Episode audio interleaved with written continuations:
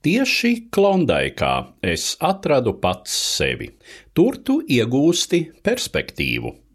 Tā rakstīja pagājušā gadsimta sākuma amerikāņu prozaiķis Džeks Londons. Kā 21 gadu vecs jauneklis, nākamais klasiķis 1897.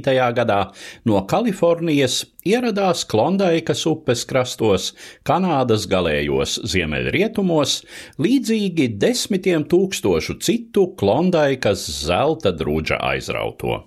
Zeltu Londons atrada visai maz, taču par īstu zelta dzīslu viņam kļuva klimatiski un sociāli skarbajā vidē gūtie iespaidi un dzīves izjūta, kas pārtapa neatkārtojami spilgtā un valdzinošā prozā. Nesalīdzināmi vairāk gan bija to, kuriem nācās griezties atpakaļ tukšām rokām, bieži arī ar iedragātu veselību, un netrūka arī tādu, kuri Klondaikas zelta druģa mirāžai upurēja dzīvību. Par Klondaikas zelta druģa sākuma datumu tiek uzskatīts 1896. gada 16. augusts. Šai dienā pie Bonanzas strauta, kas ietek Klondaikas upē, nedaudz virs tās satekas ar Jukonu, četru cilvēku zelta meklētāju grupa uzgāja pamatīgas dārgmetāla iegulas. Grupā ietilpa Kalifornijā dzimušais Džordžs Karmaks, viņa sieva Keita, svainis Džeims un Keitas krustdēls Dawsons Čārlijs.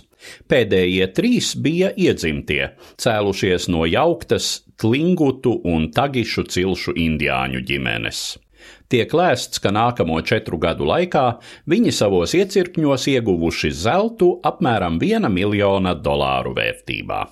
Protams, minētā veiksminieku trijotne nebija pirmie, kuri meklēja un arī atrada zeltu attālajā Kanādas nostūrī. Pirmie eiropieši šais zemēs krievi no klusā okeāna puses un kanādieši no kontinenta austrumiem, gan vairāk interesējās par zvērādu ieguvi. Tomēr, tuvojoties 19. gadsimta nogalē pasaulē, un jo sevišķi Amerikas Savienotajās valstīs, auga pieprasījums pēc zelta. Jau apmēram desmit gadi pirms Klondaikas zelta atklāšanas, zeltraču grupas virzoties no Aļaskas puses, ieceļoja Kanādai piedarošajā Juko Yukonas basēnā, veidojot te nelielas apmetnes. Šīs kustības rezultātā dažu gadu laikā Aļaskas austrumos izauga Sērklas pilsēta ar savu vietējo laikrakstu un operteātri, lai pēc Klondaikas zelta druģa sākuma tiktu praktiski pamesta.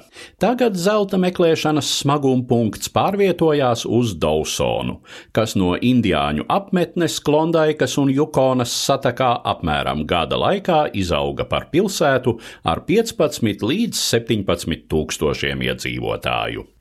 Tie desmiti tūkstošu, kuri no avīzēm uzzinājuši par zelta zemi ziemeļos, Sietlā vai Sanfrancisko sēdās kuģos, lielāko tiesu devās pretī nopietnām grūtībām.